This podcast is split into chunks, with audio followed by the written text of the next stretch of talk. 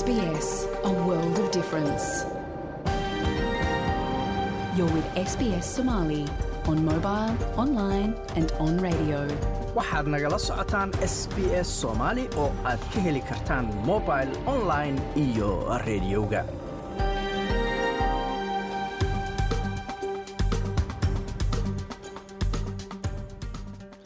habeen wanaagsan dhammaantiinba meel kastoo aad joogtaan. Waa habeen jimcaha bisha noofembarna ay tahay siddeed toban sannadka labada halka aad naga dhegaysanaysaanna waa laanta af soomaaliga ee idaacadda s b s oo idinkaga imanaysa stuudiogaanu ku leenahay magaalada melbourne. Magacayguna waa xasan jaamac. Waxyaalaha aad caawa idaacadda ku maqli doontaanna waxaa ka mid ah hadda ugu dambeysay waxaa weeye in guddiga la dhaho ibac la dhaho independent broadbased anti corruption iska magaciisu maasaa iska les waa guddiga u xilsaaran corruptionka hay'adaha dowladda iyo wasiirada iyo waxaasoo kaleete in labadaba loo loo diray.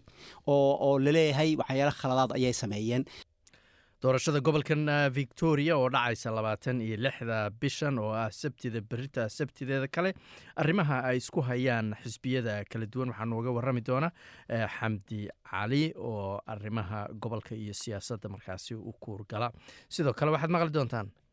Dhalinyaro badan oo aad maasha allah oo talent u leh ayaa tiimkeena ku jirta. Oon rajeynayno inay maaragtay mustaqbalka tiimamka waaweyn ee waddankan ay u cayaari doonaan waxaan rajeynaynaa maadaama sannadkii hore aan semifinalkana looga soo badiyey sanadkan waxaan rajeynaynaa ilaa ilaa finalka inaan gaarno waa tartan kubadda cagta oo ka socda magaalada sydney oo ay ka qayb galaysa koox soomaaliya. Tababaraha kooxdaasi ayaanu ku wareysanay. Sidoo kale waxaad maqli doontaan dhalinyaro victoria ama booliska victoria uu xirxiray iyagoo loo haysto dilka wiil soomaali australian ahaa oo magaaladan melbourne lagu dilay iyo wararkii soomaaliya. Marka horese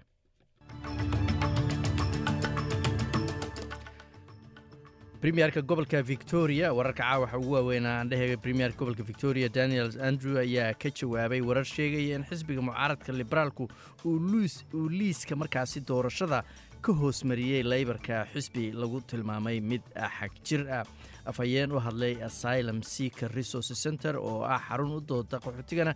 Waxa ay sheegtay inay wax laga naxa ahayd waraaqo loo diray dad qaxootiya iyo magangelya doona ra'iisul wasaare antony albanisina waxa uu soo dhoweeyey xukunka maxkamaddu ay ku riday dadkii lagu eedeeyey inay ka dambeeyeen diyaaraddii m h oo lagu soo riday dalka ukraine labadii kun iyo afar tobankii wararkaasi iyo kuwo kalaad maqli doontaane u diyaar garooba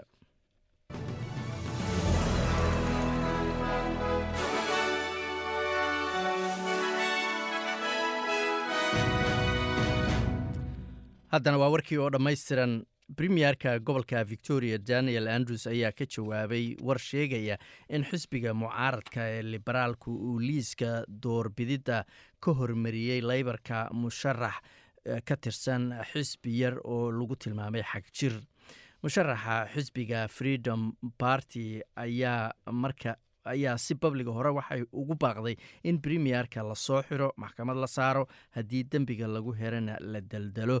Mar uu musharaxan mar aan dhehe ay gabadhan musharaxadaahi ka cabanaysay xanibaadihii covid nka isagoo si guud uga hadlaya ayuu maer andrew ka digay in la casuumo ama la soo dhoweeyo kooxo siyaasadda xagjir ka ah lana soo geliya ayuu yidhi xaydaabka tartanka doorashada ee caadiga ah That's who's getting preferences from the Liberal Party and racists and conspiracy theory. naatsi weeye buu yidhi kuwa xisbiga liberaalku uu door bidayo oo liiska xisbiga leybarka uu ka kormariyey waa cunsuriyiin ayuu yidhi iyo kuwa beenta iyo been abuurka aaminsan ama waxaa conspiracy theoriska la yidhaahdo waa magaca ugu fiican ee loogu yeeri kara ayuu yidhi. Dadka uu xisbiga liberaalku doorbidayo oo naga kormarinayo.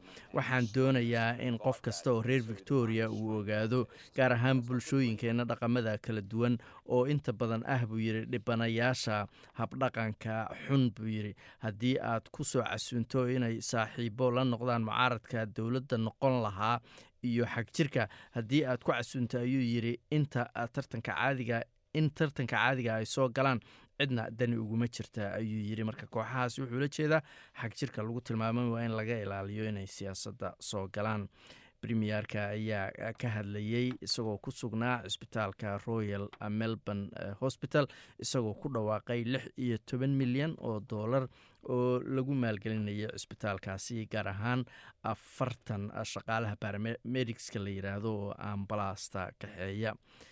Haddii xisbiga leybarka dib loo doorto ayay maalgelintaasu dowladdu sameyneysaa afhayeen u hadlay asylum seaker resources center oo ah xarun u dooda qaxootiga iyo magangelyadoonka ayaa sheegtay inay wax laga naxa ahayd in qaxooti iyo magangelyadoon loo diray waraaqo been abuura oo lagu leeyahay.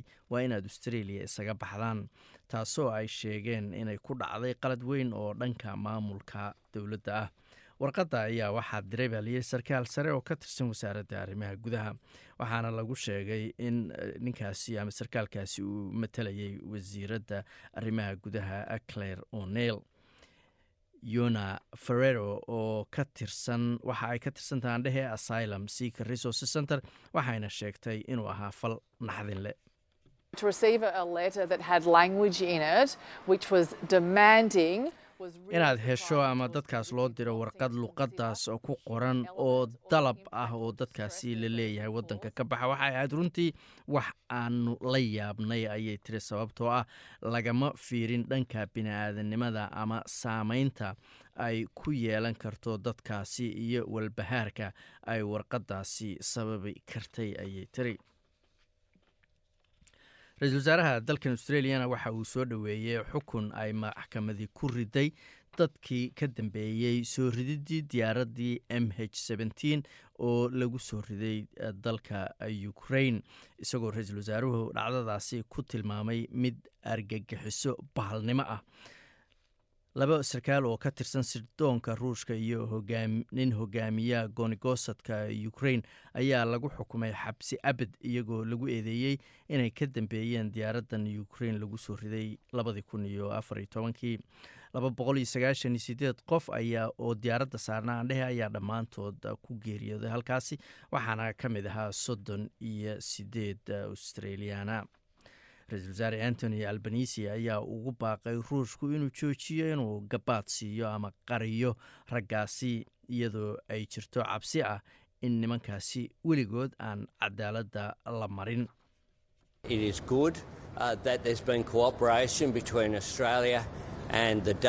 Waa wax fiican ayuu yidhi inay jirto iskaashi u dhexeeya booliska iyo ciidanka ammaanka ee australia iyo holland waxaan marnay ayuu yidhi ama soo marnay hanaankii sharciga iyo maxkamadaha. Waxaana ugu baaqaynaa ruushku inuu soo dhiibo dadkii ku lug lahaa arrintan oo iyagoo maqan hadda maxkamadda xukunkeedu uu ku dhacay.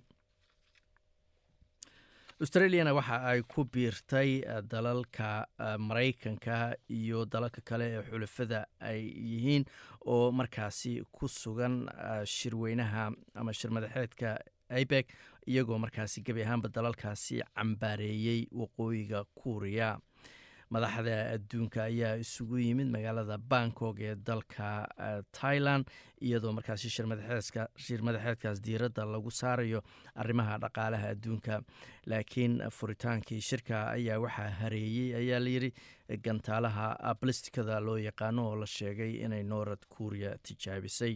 Sida laga soo xigtay saraakiisha jabaan gantaalahan qaaradaha isaga gudba ee intercontinentalka la yiraahdo ayaa waxa ay ku dhaceen qeybta badda ay ku leedahay jabaan maalinta maanta oo jimco ahayd. Waxayna gantaalahaas gaari karaan ayaa la yidhi oo lagu tuuri karaa dhulweynaha dalka maraykanka madaxweyne ku-xigeenada dalka maraykanka kamala harris ayaa ku baaqday shir deg dega oo ay ka qayb galaan ra'iisul wasaare antony albanisi ra'iisul wasaaraha koonfurta kuuriya handugsow madaxweynaha jabaan fumio kishida iyo ra'iisul wasaaradda dalka new zealand justinda aden iyo weliba sidoo kale ra'iisul wasaaraha dalka canada justin trudeau halkaad weli nagala socotaan waa laanta af soomaaliga ee idaacadda s b s. Rofesor shon tanel ayaa gurigiisii dalkan australia yimid isagoo markaasi la midoobay qoyskiisa kadib labaatan iyo kow bilood oo uu ku xirnaa dalka myanmar. Ninkan oo hore la taliyo ugu ahaa hogaamiyihii xilka laga qaaday ansan suji ayaa u soo duulay khamiistii magaalada bangkok ee dalka tailan kadibna waxa uu saakay ka soo degay magaalada melbourne garoonkiisa diyaaradaha. Rofesor tanel ayaa waxaa la xiray markii ay dowladda myanmar militarigu inqilaabeen februaayo kowdeedii sannadkii la soo dhaafay. Waxaana mar dambe lagu xukumay saddex sano oo xabsiya isagoo lagu eedeeyey inuu jebiyey shuruucda sirta ee dalkaasi waa myanmare hase yeeshee juntadan ama kooxdan militariga ee dalka xoogga ku qabsatay ayaa ku dhawaaqday in ninkan oo australiyan dhaqaalayahana iyo saddex kale oo ajaaniba oo dalkaasi ku xirnaa la sii daynayo iyagoo ula jeeda ayaa layidhi qalbi wanaag ay u muujinayaan dalalka ay u dhasheen dadkaasi. Hase yeeshee wasiiradda arrimaha dibadda dalkan australia penny wong ayaa sheegtay in sida nabadda ee u soo noqday ninkani ay runtii qalbi wanaag ay u tahay qoyskiisa saaxiibadiis iyo dhammaan dadka taageersan ee gobolka oo dhan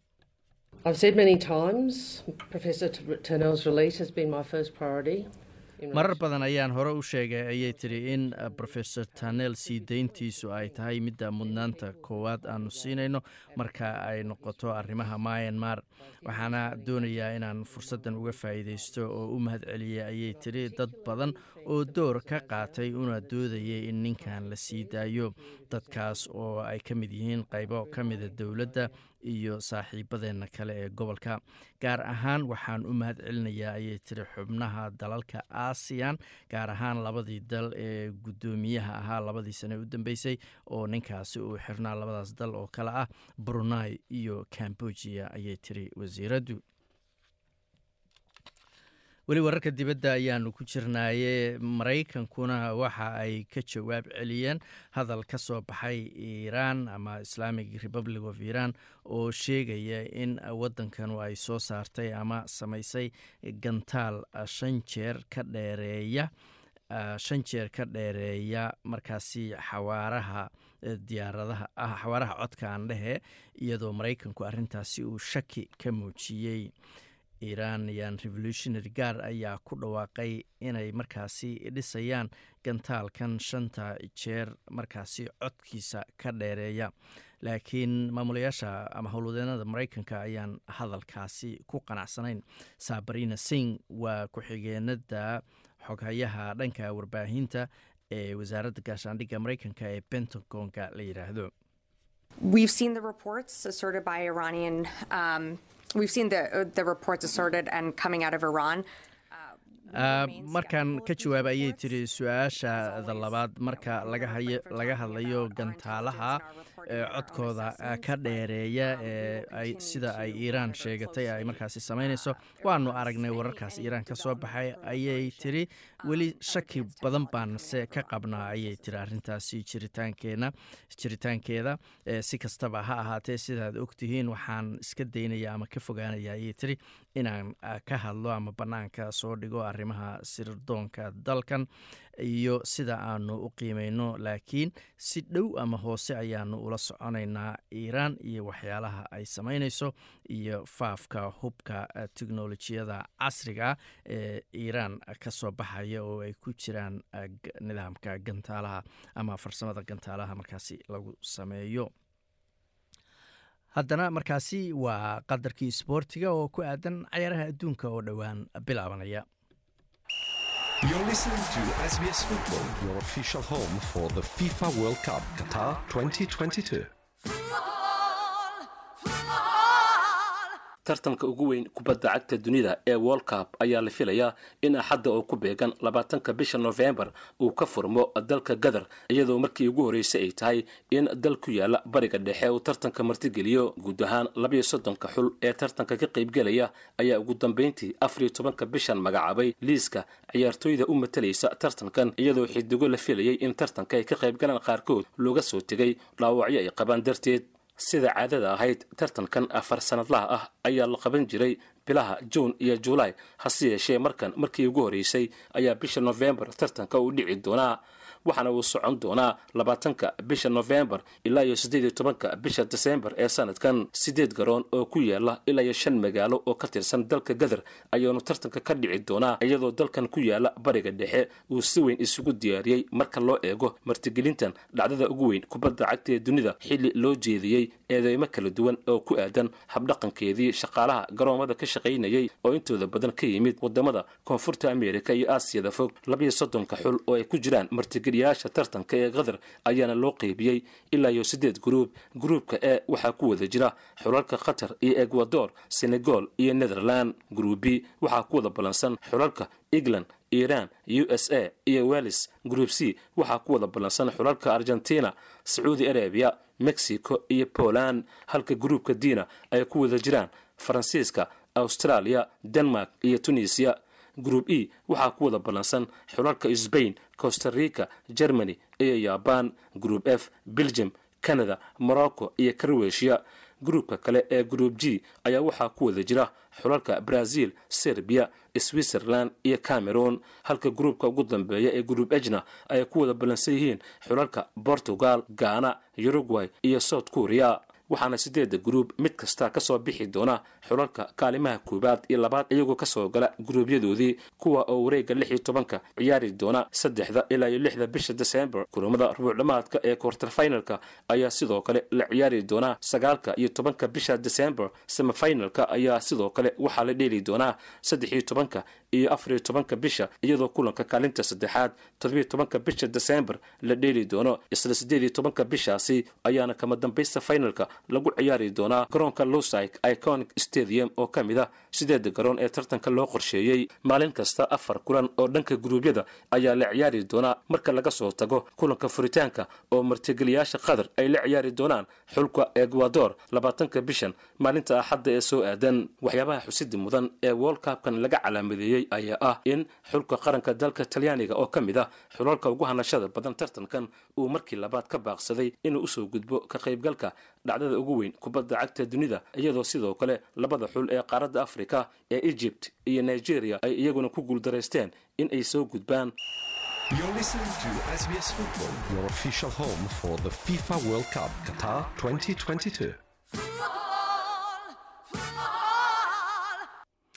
halkaad qadarkaas sboortiga kala socoteen waa laanta af soomaaliga ee idaacadda s b s saadaasha hawada berito sabtiya.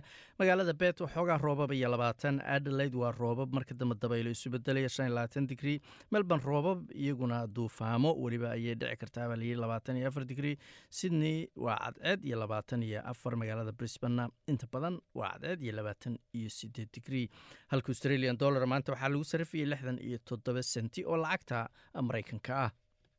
Halka qadarkaas xaysiinta aad kala socoteen waa laanta af soomaaliga ee idaacadda s b s. Weli waxaa noo soo socdaa waraysi ku aadan doorashada gobolka victoria oo dhici doonta labaatan iyo lixda bishan oo toddobaad oo keliya uu nooga harsan yahay. Marka horese booliska victoria ayaa sideed dhalinyaro ah ku soo ogay dacwooyin kadib dilkii wiil soomaali australiana oo lix iyo tobankii bishii oktoobar ee hore lagu dilay xaafadda heidelberg west iyo afduub loo geystay nin kale oo deganaa xaafadda reservoir.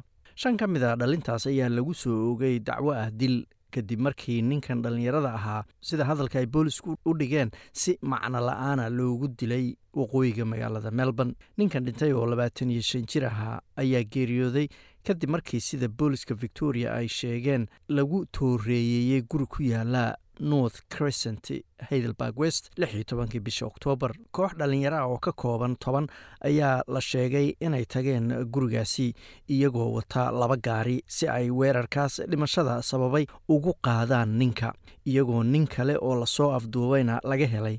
Mid ka mida labadii gaari oo ay wateen buudkiisa dambe. Qaar ka mida dhalintaas waxaa lagu soo ogay dacwo ah afduub halka shan ka mida lagu soo ogay dil. Xarigga iyo qabqabashada dhallinyaradan ayaa imanaysa markii booliska victoria ay tageen iyagoo u wataa fasax maxkamadeed toban guri halkaasna ay ka soo qabqabteen dhallinyarada qaarkood. Halka afar ka mida dhallinyaradaasna lagu qabtay ama laga soo qabtay garoonka diyaaradaha ee magaalada melbourne. Dean thomas oo dembibaare ka tirsan booliska victoria ah ayaa sheegay inuu la socdo in dad badani ay ka naxi doonaan markay arkaan da-da dhallinyarada la qabqabtay laakiin ayuu yidhi waxaan rabaa inaan caddeeyo in aynaan nasanayn oo aan dabagelayno cid kasta oo mas'uul ka ah faldembiyeedka noocan oo kale ah. Da-duna aysan noqonayn mid caqabad nagu noqota. Wuxuu intaa ku daray in nin dhallinyaro ah si macno la'aanah uu naftiisa ku waayey.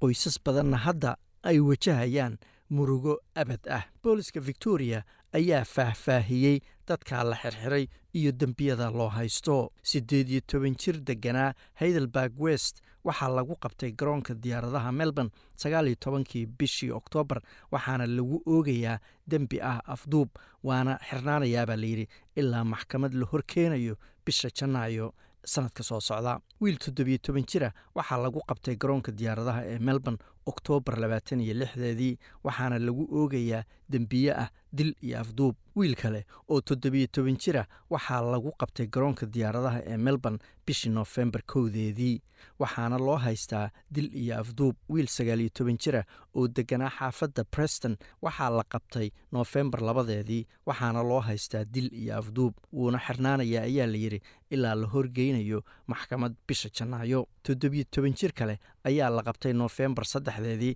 waxaana loo haystaa dil iyo afduub. Lix iyo toban jir kale ayaa la qabtay noofembar saddexdeeda waxaana loo haystaa afduub. Siddeed iyo toban jir degan xaafadda bandura waxaa la qabtay noofembar sideedeedii waxaana loo haystaa afduub. Toddobiyo toban jir kale ayaa lagu qabtay garoonka diyaaradaha melbourne bishan noofembar shan iyo tobankeeda waxaana loo haystaa dil iyo afduub.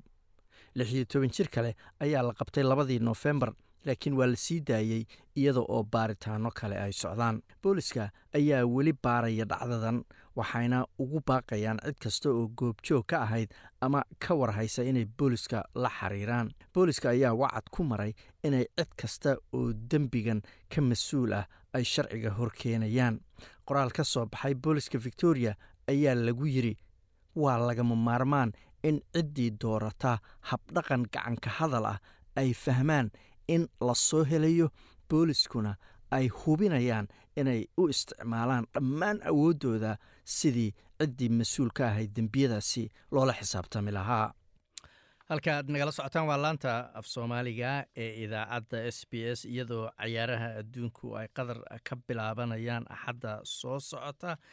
Waxaa sidoo kale magaalada sydney ka socda koob ay ku tartamayaan wadamo badan oo caalamka oo dhan ka kala yimid. Waxaana ka mid a koox markaasi soomaaliya matalaysa kooxdaasi waxaa tababara ka ah cabdikariin cagey oo markaasi khadka telefoonka ee magaalada sydney iigu waramay waxaana weydiiyey bal marka hore inuu nooga waramo tartankan iyo waktiga uu bilowday iyo waxa uu yahay. Wuxuu bilowday tartankan labada kun iyo sagaal iyo tobanka. Hadda wuu afar jir afar sano jirsaday. Sanad walba wuxuu ka dhacaa dabayaaqada bisha november ilaa horaanta december.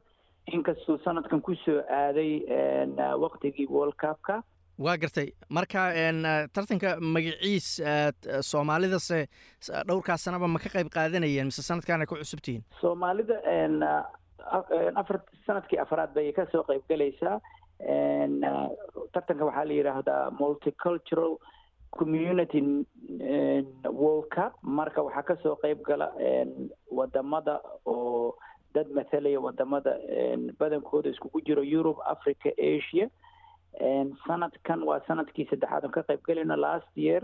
Sanadkii la soo dhaafay waxaan waxaanu gaarnay ilaa semifinalka oo waxaan ku dhamaynay qeybta saddexaad. Waa gartay marka sanadkan imise cayaarood baa ilaa iyo hadda cayaarteen natiijadeediisa maxay noqotay? Hadda waxaanu ku jirnaa group ay ka kooban yihiin soomaaliya syria burkina faso iyo spain. Laba cayaarood oon horoon cayaarnay. Mid oo syria iyo mid wiigii sundaydii hadda la soo dhaafay oo burkina faso labada waxay ku dhammaadeen hal iyo hal iyo laba iyo labo. Marka axaddan ayaan waxaan la cayaaraynaa tiamka spain oon rajeynayno inaan ku guuleysan doono sida qaybta labaad ugu sii gudubno. Waa gartay waxaad ii sheegtay in kastoo dalalkaas ay ku ama kooxahaas ay ku socdaan magaca dal ama calan haddana dadka u cayaaraya macnaheedu maaha inay dalkaas ka wada yimaadeen. Soomaalida kooxda u cayaaraysa ma wada soomaalida ma wada soomaaliba asalkooda mise dad kale aynu ku jira? Mayo horta waa run oo waddankan australia oon degannahay multicultureka ayaa aada noogu weyn. Tartankanna waxaad ka arkaysaa tiimamka qaarkood in ay ku jiraan dhaqanyo kala duwan. Gaar ahaan tiimkeena soomaaliya waxaad arkaysaa dad oo backgroundkoodu yahay faransiis afrikada kale asian waxaa nagu jiro dadka middle eastiga ka yimid. Marka tiam walba waxaad ka arkaysaa in dhaqamada oo dhan ay ka kooban yihiin. Sanadkii hore wuxuu ahaa laba iyo labaatan waddan. Sanadkanna wuu ka sii bato oo hadda waa afar iyo labaatan waddan ayaa sanadkan ka soo qayb galaysa. Waa garta marka kooxda hadda burkina faso u cayaarayso kale macnaheedu maaha in cayaartooydoodu ama burkina faso ay ka yimaadeen ama xataa africa inay ka yimaadeen nooc walba ku jira ha waa run sidaas weeye. Tiamka hadda australia oo kale haddaad aragto dhalinyaro south sudan ayaa u cayaarayso. Tiamka lebani lebanon tiamkooda oo kale waxaad arkaysaa dhalinyaro. Waxaa ku jirta south sudanese afrikada kale. Wiilal soomaali ah ayaa annaga noo cayaaraya.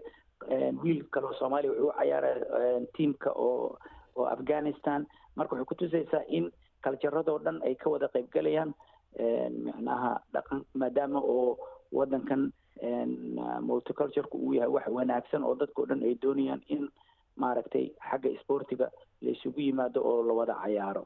Waa gartay adigu hadda maadaama aad tababaraha kooxda soomaalida aad tahay cayaarihii adduunkuna ay soo dhow yihiin cayaaro gaaroo aad isha ku haysa ma jiraan ama kooxo gaaroo aad taageersan tahay?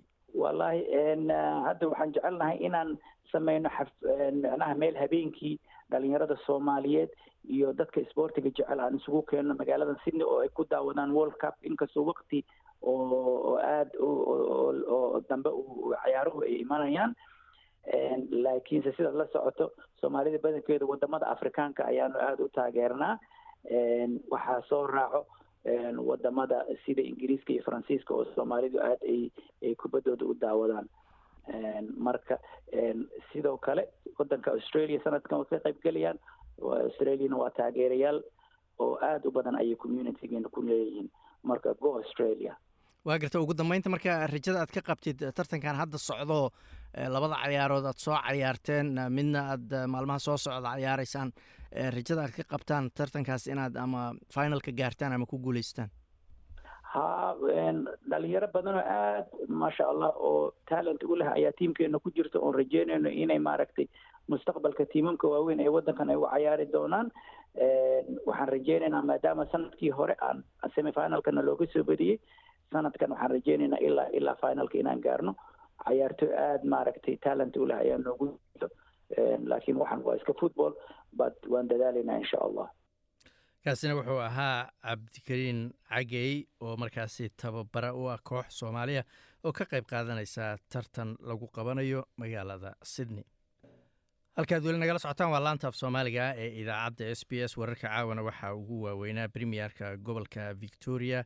Daniel andrews ayaa ka jawaabay warar sheegaya in xisbiga mucaaradka liberaalku uu liiska lagu qoro ama lagu kala hormariyo xisbiyada ama dadka musharaxiinta.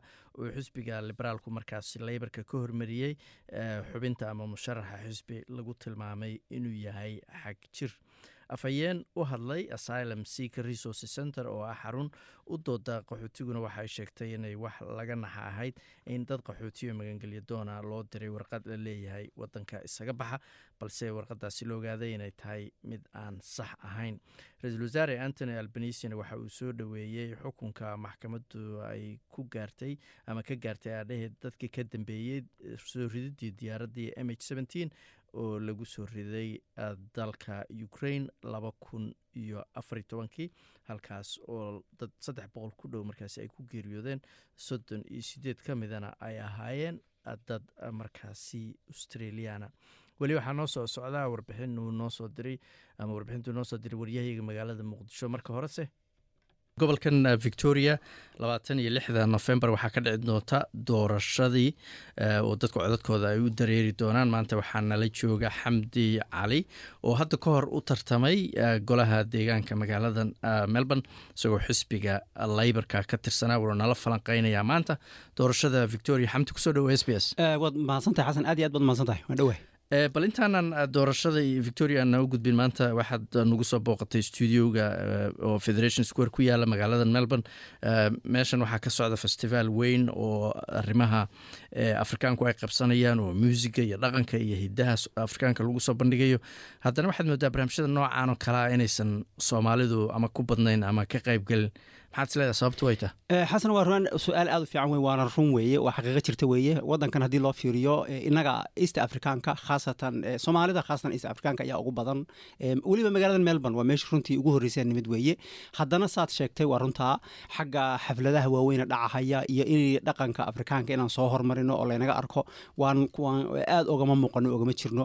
Keliya anigu waxaan u samayn karaa inay tahay in aanan inagu east africaanka dhanacan maaragtay luuqadda raadayn inuguma samaynin maaragtay ingiriiska oo kale. Maxaa la dhahaa anglo anglo franco ma nihin meenan ahayn. Marka waxaan u malaynaya show weli dhaqankii iyo luuqadii baan la yara rafanayna u malaynayaa taas maanu ku fasiri karaa. Laakiin sida kale ma xumin bisinesyada waa lagu jiraa shaqooyinka waa lagu jiraa waxbarashada meelaha kale waa lagu jiraa. Laakiinse xagga muuqaalka waanu ku dambaynaa. Marka saa maanu ku fasiri lahaa. Waa garta waa mahadsan tahay xamdi bal doorashada victoria dadka qaar baa isweydiin kara oo haddeeran doorasho bilo ka hor dhacday maxay doorashadaanu uga duwantaha tii lix bilood ka hor aanu gallay. Waa runta xasano waxa run wey wadankan waxyaalaha aanu ku baranay waxaa ka mid a waa un doorasho taagana weeye. Oon kala dhammaanaynin. Tii aan hadda bishii shanaad ee sanadkan aan gallay waxay ahayd tii dowladda dhexe ama federaalka la dhaho oo australia oo dhan ka dhexaysa middan dhacaysa labaatan iyo lixda bishan waxaa weeye usbuucan agihiisa ay ka dhiman tahayna waa midda gobolkan victoria inagu degannahay wadankan waa federaal marka gobol kastaba dowlad uu isaga leeyahay baarlamaankiisuu leeyahay federaalkuna midka gudadood ka dhexeeyu leeyahay. Marka saas farqa u dhexeeya labadaas weeye. Waa gata marka tan victoria imse sana ka soo wareegata markii la qabto maxaase arrimaha ugu waaweyn oo laysku haya yihiin sanadkan? Xasanoo ka soo meel aad u fiican wey dadku ay ku wareeraan. Mithaal hadda hadda u soo qaadanoo kale doorashadii hore ee victoria eighteenkii bay dhacday. Waxaa ka dambeysay oo nineteenkii dhacay dowladda federaalka ta federaalka. Tii federaalki baan hadda ka soo hormartay haddana. Marka farqa u dhexeeya waxaa weye dowladda midda gobolku waa afar sano oo kooban oo maalin kastaba la ogyahay fixir ah weeye afar sano waa markay dhammaato maxaan umala inay tahay bisha koo iyo tobnaad sabtida ugu dambaysa inay dhacdo weeye laakiinse midda federaalku waa saddex sano un keli ah saddex sano oon haddana fix aan lahayn. Oo markii maart saddex sano dhammaadkeed soo dhowaado prime ministerka waqtigaa jooga gacanta ay ugu jirto. Waxyaalaha ugu waaweyna socda runtii waxaa weeye lockdownkii covid nineteen baa laga soo baxay. Victoria waxaa la leeyahay waa meelaha raadinta ugu badan uu ku sameeyey oo lockdownku aad ugu badnaa dhaqaalaha raadan weedan buu ku sameeyey. Marka runtii isbaacis badan baa xasanoo jira aad u badan. Waxaana kalooba runtii dadka hoos u fiiriya ay arki karaan inay soo noqotay loolankii afar sano ka hor ahaa. Labadii shaksi ee kala hogaaminaysay mucaaradka iyo dowladda ayaa haddana kala hogaaminaysa. Inkastoo oo mucaaradku markii hore uu iscasilay markii doorashadii hore laga reeyey haddana hadda asaga ayaa hogaaminhaya waxyaalaha ugu waaweyn ee laysku hayo waxaa weye lacagta dadka loo ballan qaadahayo. Runtii maadaama covid ninkii uu sababay inay dowladdu lacago badan kharash garayso si dhaqaalaha loo badbaadiyo taasa waxay keenaysaa in lacag aad u badan. Hadda waxaa la leeyahay one hundred billion baa yaa la gelahayaa maaragtay dayn ah ayuu gobolku gelahayaa lacago badan marka la ballan qaadahayaa hadda dadku waxaa la alalaas garanaya mucaaradka ayaa lacagta ugu badan ballan qaadahaya. Waxaana kuaas ku salaysan tahay baa layidhi dowladda dhexe dowladda sorry gobolka iyadu waxay rabtaa inay dhisto waxa la dhaho northern metro maxaa lahaa northern link. Macnaha freeway isku xidhahaya magaalada dhinaca waqooyiga weliba ku xidhahaya. Kaas oo lacag badan oo anmayna soddon mise afartan bilyan oo kale ay ku baxayso yay dowladda gobolku rabtaa inay dhisto. Mucaaradku waxay dhaheen kaasi looma baahno waxaa ka muhiimsan caafimaadka marka lacagtaa waxay dhaheen kaa ma hirgelinayno haddaan doorashada ku guulaysano waxaanu hirgelinaynaa isbitaalada ayaanu lacago badan ku bixinaynaa marka ballanqaadyo badan bay samaynayaan oo kala duwan. Inta badan arrimaha caafimaadka ku saabsan yihiin. Caafimaadka ku saabsan yihiin. Ha ha. Aad ugu saabsan yihiin. Hadda maalmihii u dambeysay waxaa la leeyahay dowladda waxay dareentay baa layidhi inay xagga haweenka ay ku liidato. Markaasi waxay ballan qaadaysaa waxaa ka ahada inuu baramiyuhu uu ballan qaaday in uu toddobaatan iyo maxaa lihi shan meelood oo haweenka waxyaalaha maarata ay u baahan yihiin ee khaaska ku ahaa for free loogu barbaar garaynhayo in ay maro horena waa kay dheheen neersiyada ayaan maarata haweenka u badan. Inta badan rag iyo haweenba waa ku jiraan. Laakiinse waa shaqooyinka uu haweenku ay ku badan yihiin weeye inay macnaha macnaha scholarship free ay siinhayaan laakiinse mucaaradkuna asagana wuxuu ballan qaadahayaa inuu isbitaal cusub waxaan meel dhinaca westiga yahay asagoo kombaliyada ay dhisahayaan iyo xagga eastigaba marka caafimaadka ayaa xoogga aad loo saaraya waa gartay arinta kaleo aada looga dooda waxa weye waxaan ay dhahaan integrity oo dabcan markii la soomaaliyeeye ah musuq maasuq la'aan ama wax iska daba wareejin la'aan. Waxaad moodaa labada dhinacba inay wax isku tuurtuurayaan oo qolada qolada leedahay idinkaa musuq maasuq ha xasanow taas baa waxaa haddii la dhaho doorashadan waxa ugu weyn ee soo noqnoqda ee la isku celcelinaya waa midaas weeye. Arrinta hadda ugu dambeysay waxaa weeye in guddiga la dhaho ibac la dhaho independent broad based anti corruption iska lees waa guddiga u xilsaaran corruptionka hay'adaha dowladda iyo wasiirada iyo waxaasoo kaleete in labadaba loo loo diray oo la leeyahay waxyaala khaladaad ayay sameeyeen. Marka taasaa runtii aad u soo noqnoqonaysa aadna loo celcelinaya. Markii ugu horreysay waxay ahayd runtii laybarka ahayd oo iyagoo wax la dhihi jiray reer shirts oo macnaheedu ay ahayd. Waxaa laga yaabaa xasano hadda in yar intaa ku yiraysaa dadku inayna aad aynan u sii kala garanaynin weliba innaga meelahan ka nimid oo kale. Shaqaalaha embiyada ama dadka mudanayaasha ah ama shaqaalaha wasaaradaha waxaa bixiya waxa la dhaho taxi bayerka ayaa bixiya. Marka looma isticmaali karo urur shaqadiisa looma isticmaali karo. Waxyaalaha luubholka ay u isticmaalaan waxaa ka mid ahaa shakhsigu waa u shaqaalaysan yahay imbiga oo kale laakiinse tabaruc ahaan ayuu after hours ama maaragtay sabtidii axadoo kale yuu shaqo qabtaa asagoo dhahaya maaragtay waan tabarucaya marka laybarka waxaa lagu haystay arrinta reer sheedka ahaa inay shaqaalahaasi oo de shaqaalihii dowladda ahaa oo taxi bayerka lacagtooda lagu bixinayay inay u isticmaaleen doorashada kambaynkeedii marka taasaa aad xoogga loogu saaray laybarka laakiinse liberaalkan asagana hadda midda ugu dambeysay waxaa weeye in uu iscasilay nin la taliyo u ahaa ninka matthew guy ee hogaaminaya asagoo oo yidhi nin taajir ahaa inuu weydiiyey lacag boqol kun aha inuu maaragtay ku tabaruco oo waa midda markaa guddiga doorashada oo arrintaas ay tahay shaqadiisa ay naftooda farageliyeen. Sababtoo ah la dhaho donationka ama tabarucaadka waa in la decleer gareeyo. Wuxuuna leeyahay limid uu bixin karo australia. Ruuxu intuu doono hadduu taajir yahay ma dhihi karo. Intaan doonaan iska bixin ma dhihi karo.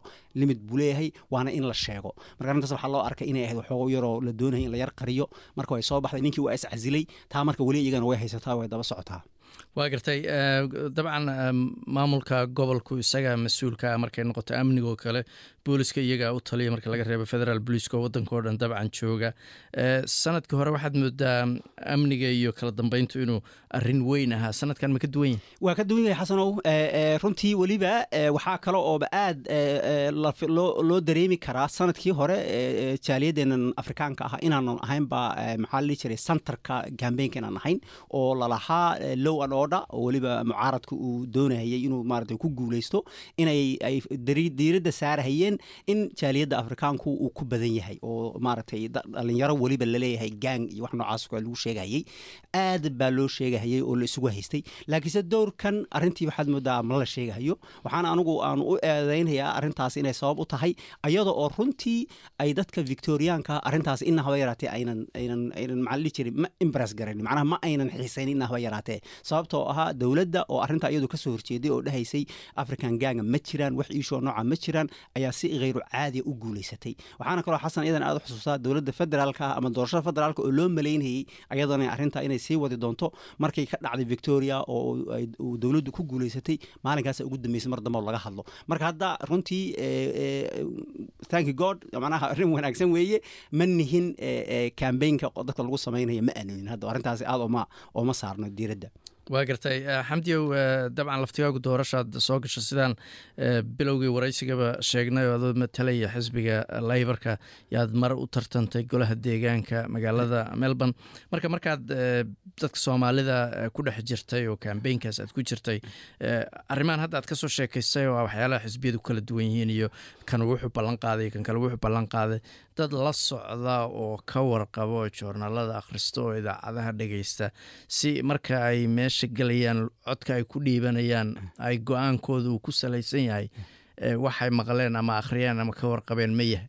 Maya xasanow nasiib daro nasiib daro inagoo hadda la dhihi karo afartan sano ayaan sii cagacagaynaynaa intaan wadankan joognay. Weliba soddon sano markaad aan u dad aad u fara badan inay joogaan runtii aad iyo aad ayaa loogu loogu liitaa xagga in la fahmo. Waxyaalaha ugu badan ee xasanoo la weydiiye waxaa ka mid ahaa inaan labada urur xataa la kala garanaynin maxaa marka qaarkood is liberal iyo libor labada urur ugu waaweyn baan oga jeedaa. Liberal iyo libor maadaama dadkii asalkeeni in luuq ingiriis usan ahayn wixigeena tiibadeena usan ahayn dad baaba dhahayaba liberal iyo libor aan macnaha aad u kala garanayn oo moodayo in isku isku mid ay yihiin. Waxaa kaloo aan inta keli aan arkay dadka qaarkood ka arkay waxaa ka mid ah siyaasiyiinta way kala gartaan runtii. Oo markaad maaragtay ay siyaasiyiinta muuqato sheegaan way sheegayaan waxay dhahayn haa kaasaa fiican kaasaa wax annaga noo fiican. Waxyaalaha doorashadii hore ee federaalka hadda aan maqlay waxaa ka mid ahaa inay haween badan ay ogaayeen siyaasiyiinta qaarkood ay garanayeen waxay ku garanayeen wuxuu ahaa xasan oo dawaad og tahay waxa la dhaho family day careka. Ayaa dowladda federaalka ah ay gacanta ku haysay oo hirgelinaysay.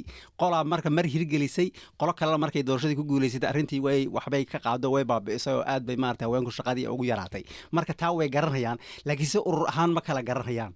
Xataa waxayna dadkii ayna aad u garanayninba xataa meesha ay joogaan xasanow dadku badan ma garanayaan ruuxa ruuxa uu yahay. Ma la socdaanoo ma garanayaan. Xildhibaanka matala haa ma garanayaan. Xataa levelka ani hadda midaad sheegaysay wuxuu ahaa waxa la dhaho councilka ama dowladda hoose ayay ahayd. Oo weliba ahna waa magaala madaxda gobolka victoria wey melbourne macnaha councilka ah weye runtii waan la yaabay waxaan ku leeyahay boqolkiiba sagaashan haddayna ka badnayn. Dadka markaan weydiiyey oo deganaa councilkaasi ma aynan ogeyn.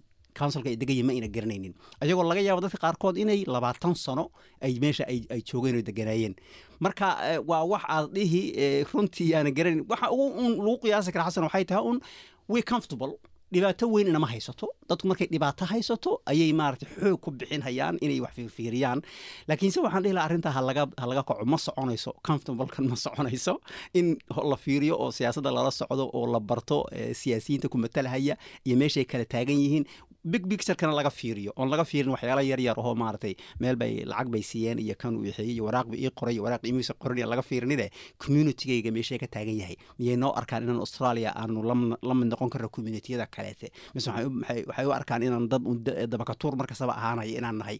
Meelahaasoo kale in laga fiiriyo ayaan anugu dhihi kula talin lahaa. Tan kale dabcan markaad doorashada ka qayb galaysid waa inaad marka hore diiwaan gashan tahay. Marka mararka qaarkood waxaan maqlaa soomaali badan oo kule maba rabo inaan isdiiwaan geliyo ama maba diiwaan gashani ama wadaad aan aqaan baa wuxuu igu yiri waaba xaaraan iyo waxyaalahaas weli ma jiraan.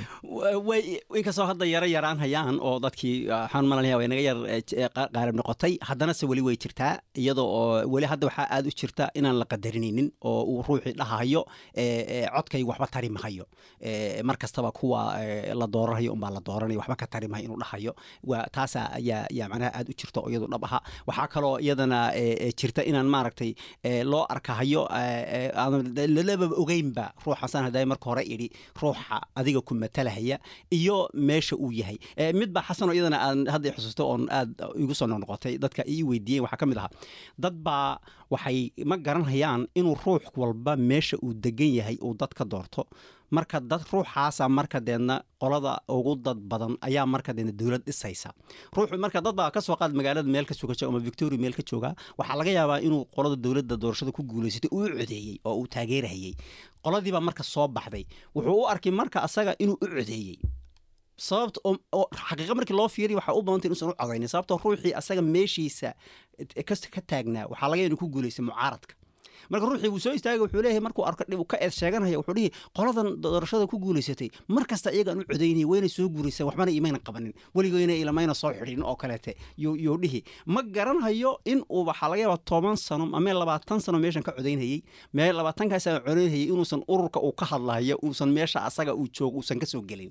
Laakiin ay meelaha kale ka soo galeen oo dowladda ay ku guulaysanayeen marka ma kale ogo inuusan actually ayagu uusan u codaynin. Yes waa u codaysay laakiinse ma aadan soo gelin macnaheedu weeye marka dadku taasna waa midda waxay iga yaabisaba ahayd oo inay dadku ay u baahan inay ogaadaan bal ruuxii aad u codaysay kooxdiisii inay soo baxday iyo in kale inaad kale ogaato maaragtay. Oodan dhihin un waan codeeyey qoladiina way soo baxday marka aniga codkaygina qayb buu ka ahaa marka inay guulaysteen. Waa garta marka ugu dambeynta guud ahaan maxaad dhihi lahayd asbuuc baa ka dhiman ama toddobaad doorashada labaatan iyo lixda dhacaysa ciddii barnaamijkan dhegeysanaysa oo arrimahaas doorashada maxaad ku dhihi lahayd muhiimadda ay leedahay doorashadu? doorashadu aad bay muhiim u tahay. Runtii weliba markaan weliba markaan dad meeshan ku cusub nahay kuna yarna nahay xasanow aniga laguma ma ku boorin karo inaaf. Yaanan iska dhigin dadka meeshan ku badan ee aan u filayn sida haddaad adiga xasano xusato meelihii aan ka nimid tuuladii aad ka mid magaaladii aad ka timi haddaad joogto waxaad xaq u leedahay ood samayn kartaa oo comfortable ku ahan karta inaad tiraahdo waxaan siyaasadda ma xiisaynayo shaqana kuma yeelanayo.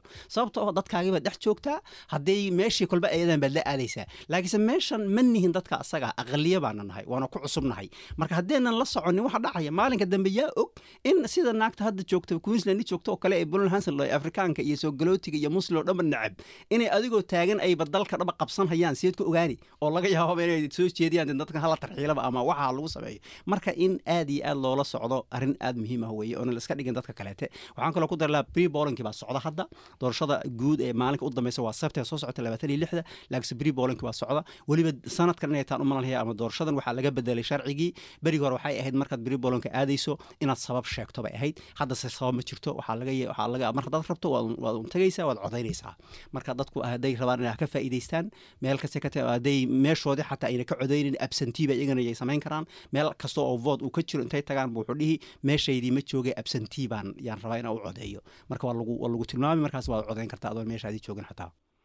Kaasina wuxuu ahaa xamdi cali oo markaasi nala falanqeynayey doorashada gobolka victoria oo dhici doonta labaatan iyo lixda ah, bishan cayaaraha adduunkuna waxay ka bilaabanayaan ah, dalka qatar axadda soo socota. Haddaba si aad u daawato soo degso s b s on demand appka la yidhaahdo si aad uga daawato fifa world cup meel kasta oo aad joogto waqti kasta oo aad rabto aaladda doonta adoo isticmaalaya cayaaraha oo dhan si toos ah ayaad halkaasi uga daawan kartaa. Marka ha iloobin inaad soo degsato s b s on demand. Haddana waa warbixintuu noo soo diray waryahayaga magaalada muqdisho ra'iisul wasaaraha xukuumadda federaalk ee soomaaliya xamse cabdi barre ayaa ka qayb galay munaasabad ay soo agaasimeen culimaaudiinka ahlusunna waljameeca taasi oo ka dhacday xarunta tiyaatarka magaalada muqdisho ra'iisul wasaaraha oo ka hadlayey munaasabadaasi ayaa sheegay in culimmada soomaaliyeed gaar ahaan dariiqada suufiyadu ay tahay inay door muhiima ka qaataan la dagaalanka waxa loogu yeeray argagixisada. ra'iisul wasaaraha ayaa sheegay in dalka iminka uu ku jiro halis islamarkaana culimaaudiinku mar weliba ay tahay inay badbaadiyaan oo ay doorkooda ciyaaraan. Culimooy maanta dadkeennii iyo dalkeennii waxay ku jiraan halis marxalad taariikhi ay marayaan. Waad caddayseen khayr allah idin siiyo. Waad sheegteen waxay yihiin nimankaas weligiina waad soo sheegi jirteen. Haddii laydinka hoos qaadi la'aa haddii laydinla garan la'aa haddii la fahmi la'aa annagu maanta waan garannay. Waan idinla fahamsannahay waa idinla ognahay waa idinku hor soconaynaa waana idinkula shaqaynaynaa. Waxaan rabnaa oo maanta la soo gaaray xilligii culimmadan mar kasta oo dalkan khatar galo ayagaa badbaadin jiray dalkan khataroo ku jira maanta meel adagay maraysaa marka. Halkaa markay gaadhay dhinaca kale dalkeenna abaaraa ka jiray dhibaataa ka dhacday dadkeenna baahiba haysa. Waxaa la gaaray in la yidhaahdo dad dalka iyo dadkaas dhimanaya cunto looma geyn karo jidadka la xidho ceelasha la gubo waraha laga aaso. Waxaa la gaaray in dadka masaakiinta ah ee beeraha beeran jiray la yidhaahdo saddex jeer baad lacag bixinaysa. Waxaan maraynaa marka meel halisoo xasaasaan maraynaa. Markii dalku halistan oo kale galo waxaa loo baxsadaa in de dadka culimada ah loo baxsadaa. Weligeedna saasoo ah culimadaa loo baxsan jiray. Ayagaa ka celin jiray cadowga ayagaa jihaadi jiray ayagaa diidi jiray. Maanta marka fikradda in la caddeeyo oo dadka islaamka muslimiinta ah ee soomaaliya diinta loo sheego in saa'ilkaas xoogga badan ee khatarta ah ee dadka isku wada qarxinaya eber iska dhigaya laga dhiciyo. Dariiqadan ayaa ah ayuu yidhi mid loo soo ordi doono waana iska caddayd waase alle mahadi ayuu yidhi in ay tahay midda keliya ee nabadda iyo diinta saxda ah ay ag taalo sida uu yidhi waxaa la soo gaaray xilli dadkii soomaaliyeed ay marayaan sawfa yantahuuna min xaysu bada'na sidii loo soo socday ee loo soo socday ee kolba meel ka soo dhac kolba dow ka soo dhac kolba meel loo soo socday waxay isugu soo subashantay isugu soo shubantay meeshii laydinkaga tegay baa laydinku yidhi. Diin ictidaal leh walaaltinimo leh yaqiin leh ikhlaas leh tabaruf lahayn waali ku jirin. Tawaaduc leh fiqigeennii shaaficiga aasaas u yahay fiqi ahaan halkaasay baasha isugu soo daba shubatay wixii kaloo dhan waa lagu soo gubtay.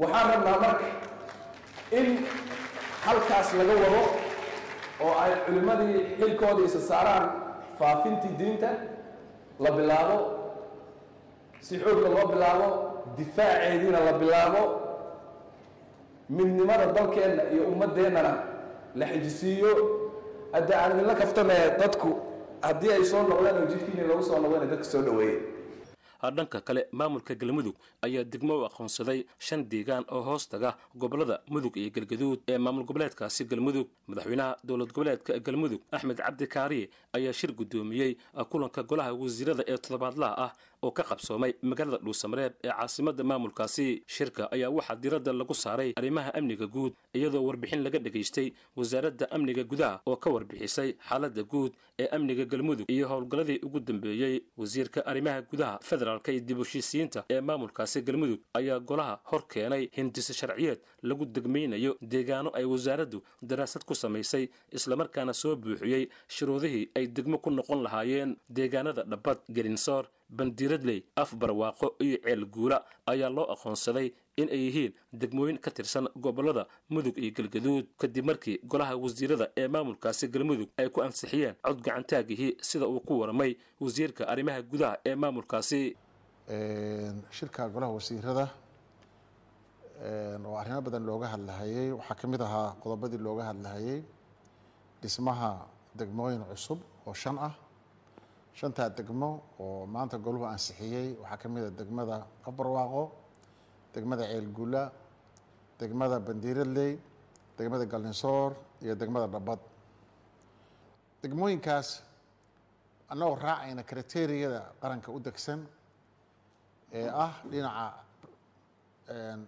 xuduudahooda cayiman ama muxuu aha inay leeyihiin xuduudo cayiman populationkooda dakhligooda baaxadda dhulka ay ku fadhiyaan iyo wax iyo kuwo lamidaba waxaad wasaaradda arrimaha guduhu ay qiimeyn xoogla ku soo samaysay muddaba ku waday in ay xaqiijiso in meelahaas ay u qalmi karaan degmooyin.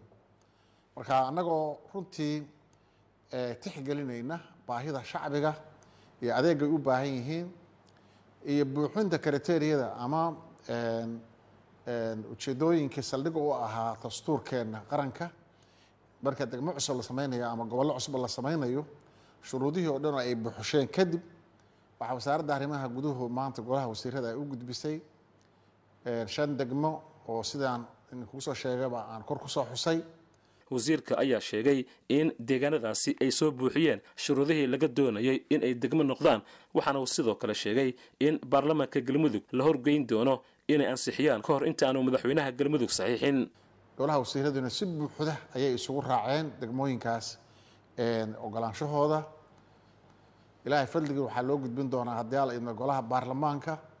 Kabacdina waxaa loo gudbin doonaa madaxweynaha markaasina sharci run ah ay noqon doonaan haddii ala idmo meel kastoo aan u aragno inay baahidii adeega qabto meel kastoo aan u aragno inay shuruudihii buuxisay meel kastoo aan u aragno in shacabka nagu runtii koritaankooda iyo dowladnimadooda ay ku xoogeysanaysaba iyagana inaanu sidaano kale u meel marin doono.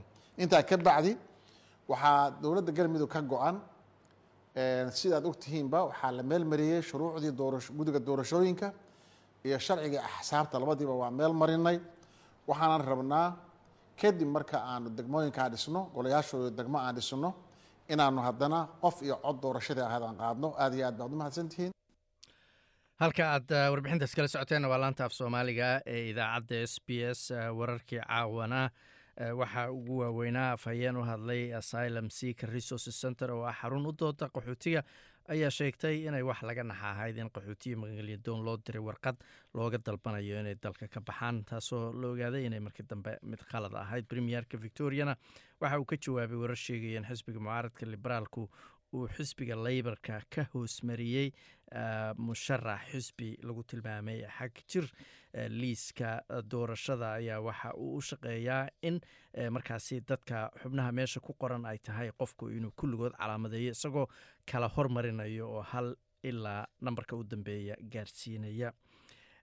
Ra'iisul wasaaraha australia antony albanisana waxa uu soo dhoweeyey xukunka maxkamadee ay ku riday saddex nin oo lagu eedeeyey inay ka dambeeyeen soo rididii diyaaraddii m h oo lagu soo riday dalka ukraine labadii kun iyo afariy tobankii halkaas ay laba boqol iyo sagaashan iyo sideed qof ay ku geeriyoodeen oo ay ku jireen soddon iyo sideed australiana idaacaddeena caawana intaas ayaan ku soo gebagabaynaynaa waa aniga oo ah xasan jaamac inla intaas iyo nabadgelyo